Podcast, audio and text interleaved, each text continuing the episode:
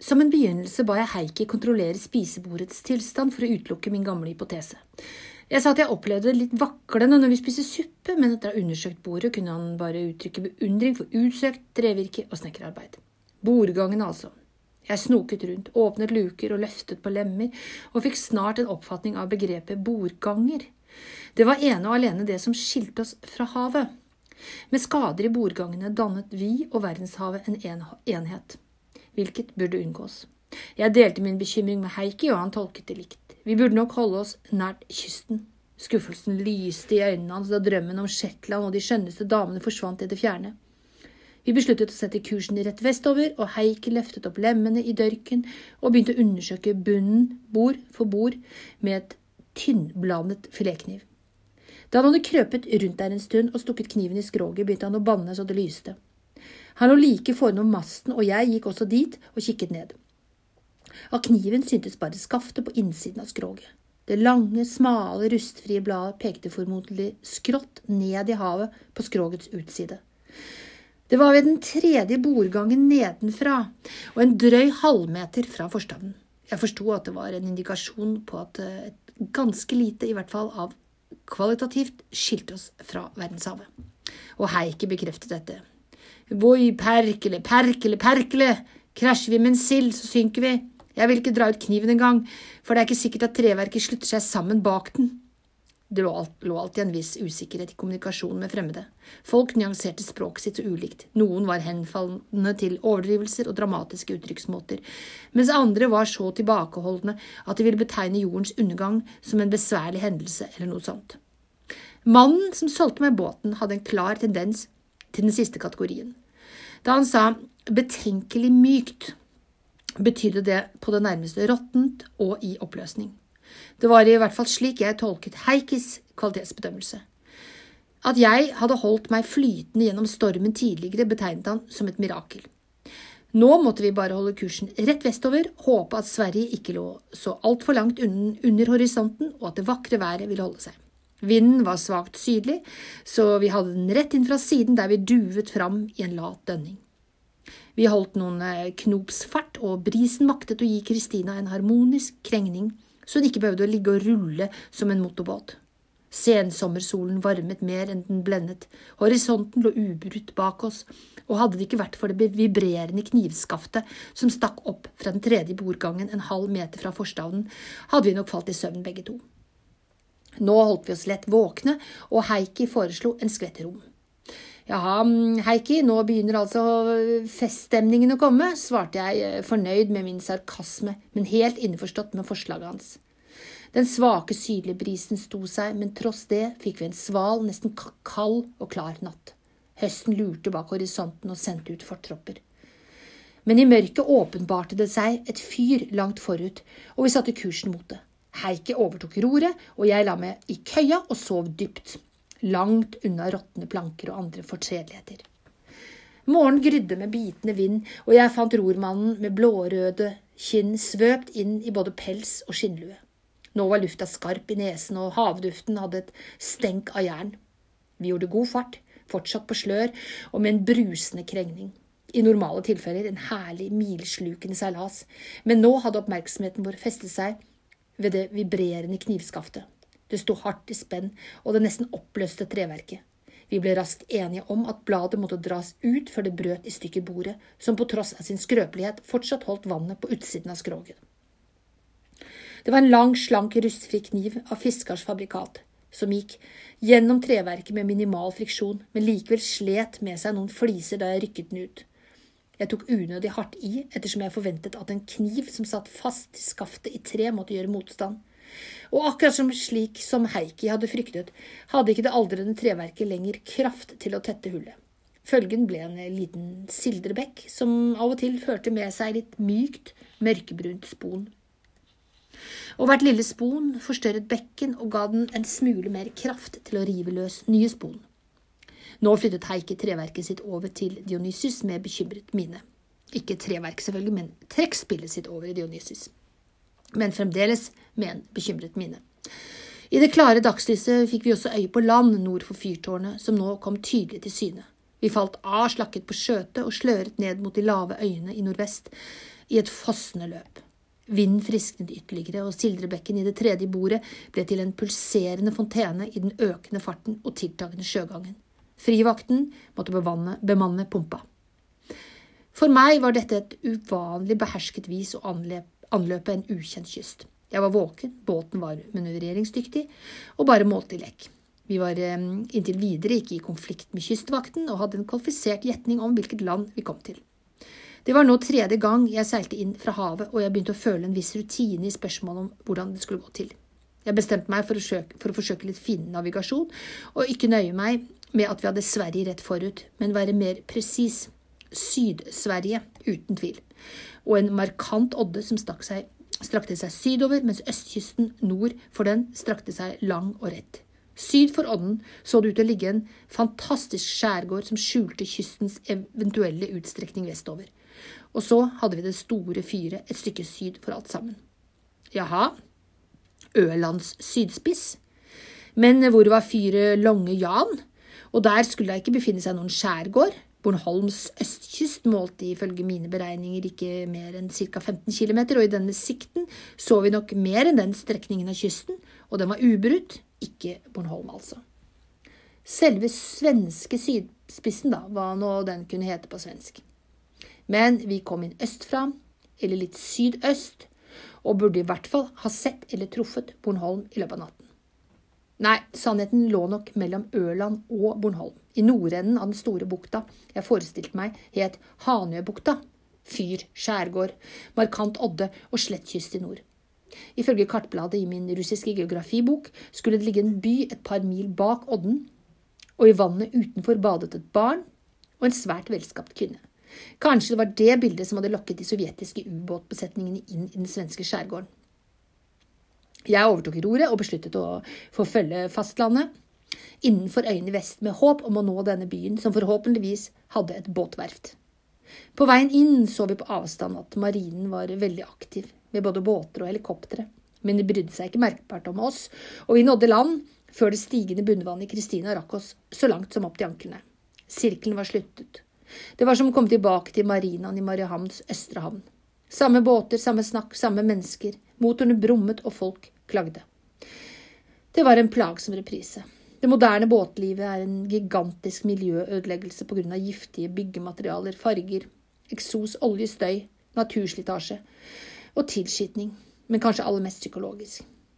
Jeg tror det avhenger av livsløgnen disse stakkars fritidssjømenn er rammet av. De er lokket inn i en verden av saltstenkende elegant klesmote. Et teknisk duppedittmarked som overgår det meste. En legitim måte å henge med på en uhemmet statusjakt. Legitimert gjennom en forkledning kalt sjømannskap og friluftsliv. Karlskrona hadde utmerkede flytebrygger å fortøye ved.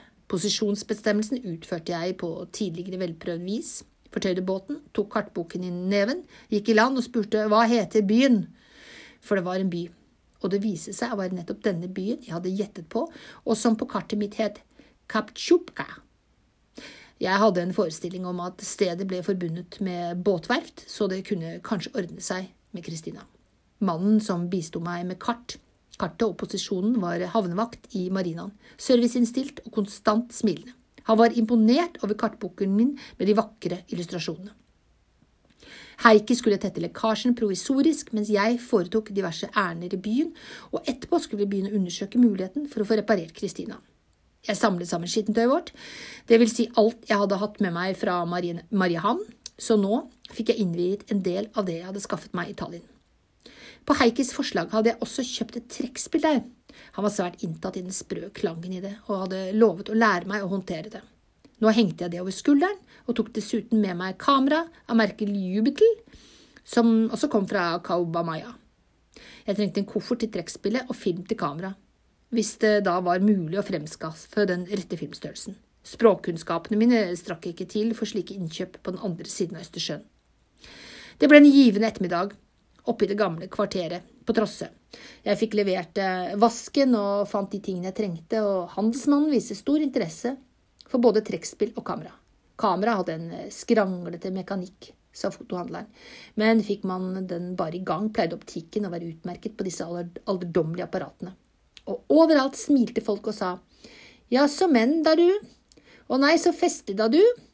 Og de så ut som folkepartimedlemmer alle sammen. Det var en bekymringsløs dag, og jeg avrundet den med å ta et krus øl på en uteservering. Men jeg glemte å be om utenlandsk øl og ble servert et svensk som smakte som utspedd lettøl tilsatt kullsyre.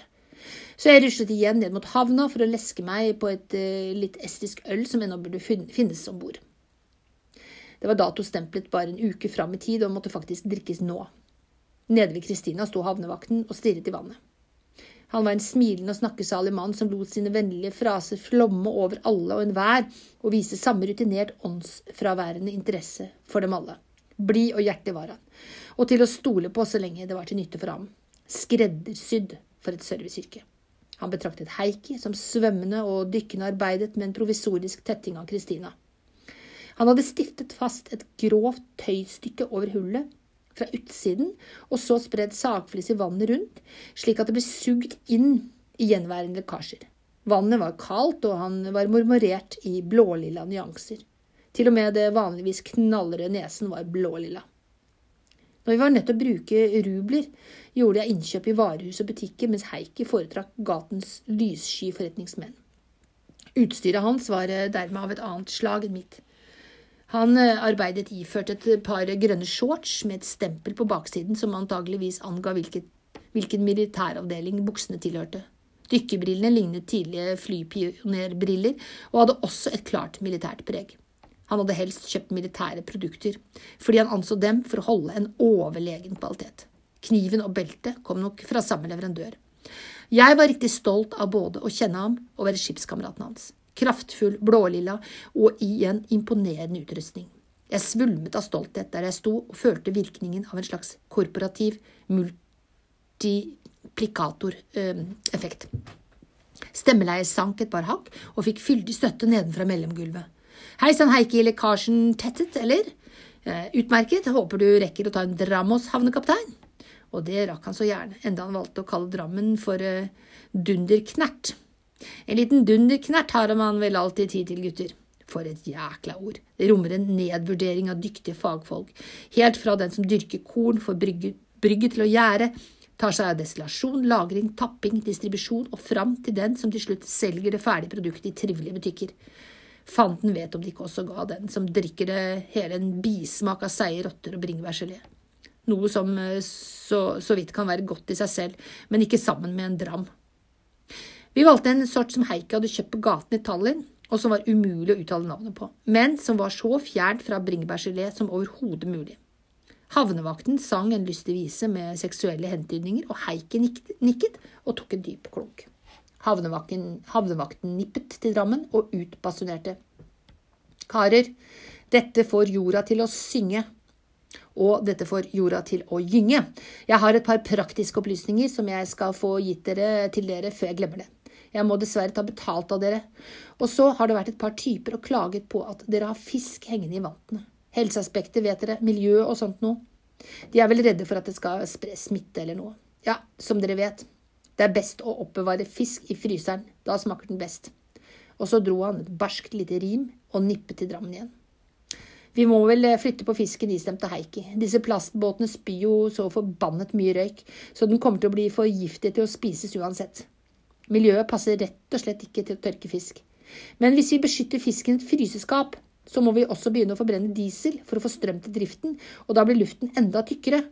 Og så blir vi så svekket at vi også må skaffe en sånn stinkende kahyttsvarmer, og så blir luften enda tykkere, og når temperaturen stiger i båten, må vi produsere mer strøm til kjøleskapet, motoren må gå mer, og vi får enda mer røyk. Det blir en jævla floke. Ikke vet jeg. Hva gjør de andre her omkring? Å, de er nok noen freskinger, disse seilerne, vet du. Holder nok ut med litt røyk og kan sikkert leve på frossenmat og hermetikk noen uker. Og så er man vel ikke om bord hele tiden heller. Man ble sliten av denne mannens uttalelser. Heike tiet, og jeg tok fram lommeboken for å betale, men fant ut at det bare var rubler. Jeg hadde ordnet dagens innkjøp med visakortet og ikke tenkt på å veksle til meg noen kroner.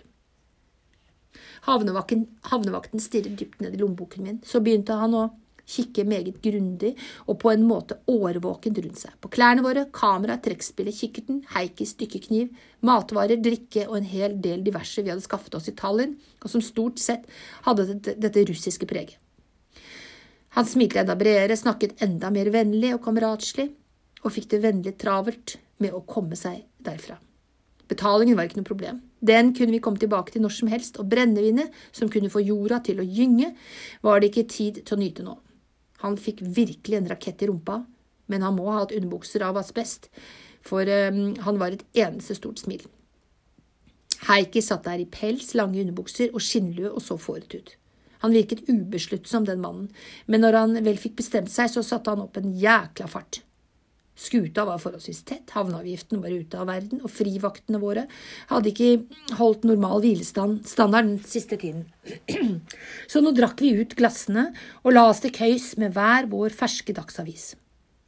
Eh, der var det ingen store nyheter, og jeg sovnet fort fra alt sammen. Men før det rakk jeg i alle fall å lese at svenskene igjen jaget etter ubåter, og denne gangen like utenfor Karlskrona. Jeg våknet av et smell da kahyttsdøren fløy opp og kjente en pistol mot tinningen. Som på film, men mye nifsere. Pistolmannen så også ut som på film. Høy, muskuløs, med utstudert kaldt blikk, svartkledd, tyggegummityggende, men likevel rett i ryggen. Sikkert amerikaner. Heikki hadde en tilsvarende ved sin tinning. De hadde beveget seg utrolig stille og raskt på tross av at de var storvokste og neppe hadde vært om bord før. Proffe, agenter, terrorister eller yrkesforbrytere. Eh, men neppe forstyrrende eller sadistiske voldsmenn. Hvor kom så vi inn i bildet? Det skulle vise seg da ytterligere én mann gjorde entré. Gjorde entré er akkurat det uttrykket. Det rette uttrykket. Temmelig langsomt og med avmålte bevegelser kom han ned trappa men midt i roen la han inn en ekstra spenst i vristen ved hvert skritt, som en slags markering. Blikket var urokkelig fast og forunderlig vennlig med tanke på situasjonen. Det understreket hans suverene posisjon. Han kunne koste på seg litt vennlighet. Han var kraftig bygd, middels høy og en anelse småfett, men fedmen var så godt kamuflert av påkledning og holdning at den knapt var merkbar. Så man nøye etter kunne man avdekke at han var i 45-årsalderen, men da måtte man virkelig se nøye på ham. Førsteinntrykket satt rett i. Han prøvde seg fram til en god sittestilling på det øverste trappetrinnet, heiste på skuldrene, spilte ut brystkassen, hvilte den ene hånden på kneet, la den andre utenpå og kunne således spenne musklene i underarmen, underarmene og biceps. Han satt litt og studerte muskulaturen. Så hevet han blikket, og når jeg sier at det var rolig, så mener jeg faktisk rolig. Han så oss inn i øynene etter tur, smilte skjevt, dro fingrene over haken, slik at musklene i underarmen kom til syne, og sa en anelse slepende og med en motorikk, med en stemme som var vel avstemt, avstemt mot mimikk og motorikk. Jeg heter Hamilton, Jan Hamilton, og jeg håper vi kan avstedkomme et godt samarbeid. Ja, det var ti sider i dag. Tatt en liten påskeferie, vet dere, så nå leser jeg videre i morgen. Over og ut.